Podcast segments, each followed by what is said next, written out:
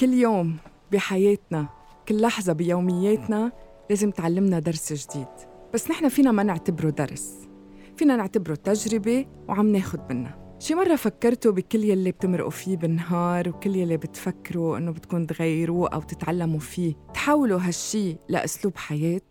بيومياتي وبحلقة اليوم معي أنا بتي رياشي حبيت أحكي عن أسلوب حياتنا اتبعه وهو انتقاء كلماتنا.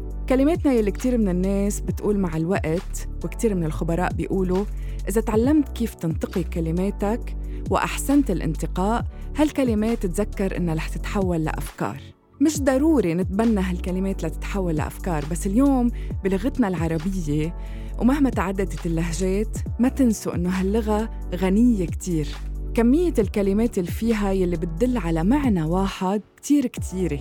فتخيلوا لو نحن منستبدل كلمة بأخرى وبتعطينا نفس المعنى بس بتأثر باللي قاعد مقابلنا وعم يسمعنا بطريقة كتير إيجابية.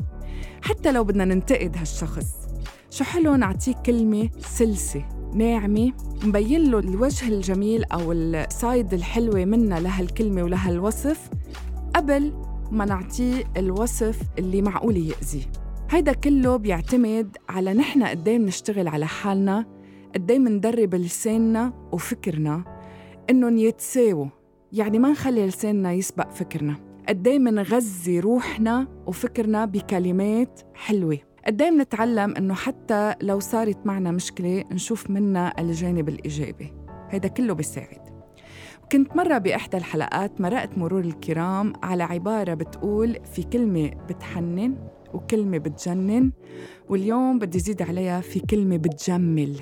الكلمة اللي بتحنن هي اللي بتخلي الناس يكونوا قراب منا لطيفين معنا حنونين علينا بتعاطيهم بتعاطفهم بنظرتهم لإلنا. الكلمة اللي بتجنن هي اللي بتأذي يلي بتكون شرارة لأي مشكل وشجار وجدال نحن بغنى عنه أوقات وما له لزوم. والكلمة اللي بتجمل هي الكلمة يلي منستبدلها مكان كلمة أخرى حتى تجملنا بعيون الآخرين وتخلينا دايما حلوين وتخلي هالناس عندهم انطباع حلو عنا. يمكن البعض هلأ هو عم يسمعني يقول وأنا شو همي من الآخرين؟ كيف بده يفكروا فيي؟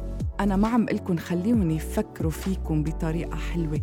لا عم قلكن خليهم دايما يشوفوكن حلوين.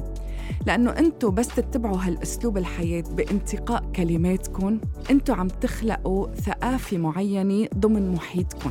فخلي هالناس تتعلم منكم هالأسلوب الحياة الجميل.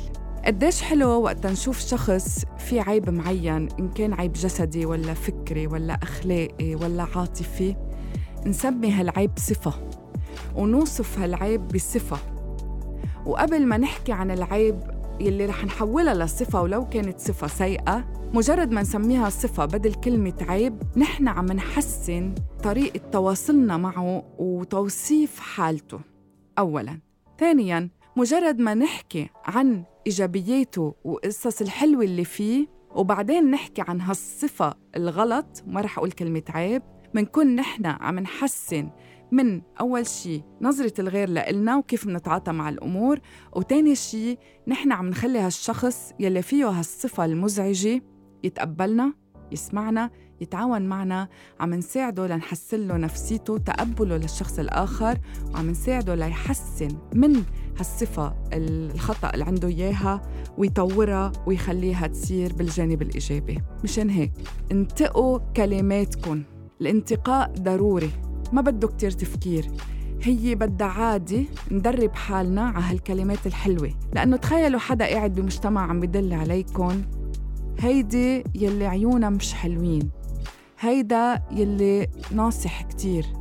هيدي يلي ضعيفة كتير وما بتنشاف. هول كلمات كتير بشعين. هودي بيأذوا. ولو اللي مقابلنا تقبلهم بابتسامة وضحكة انتو نفسيا عم تأذوه. فدايما ركزوا على الصفات الحلوة وإذا هالشخص كتير قريب منكم وحبيتوا إنه توصفوا العيب اللي عنده وصفوه بينكم وبينه وبطريقة كتير حلوة. وبس نبلش بطريقة إيجابية بنكون نحن عم نكسب اللي حوالينا. الكلمات الحلوة بتجمل وبتحنن وبتلطف الأجواء وبتخلينا دايما نحن حلوين بنظر الآخرين وبتخلينا نتبع أسلوب حياة جميل راقي حلو مميز دافي وبتخلينا لطفاء مع نفسنا ومع اللي حوالينا. فتذكروا انتقاء الكلمات واستعمالها خاصة باللغة العربية كتير مهم وحولوه لأسلوب حياة.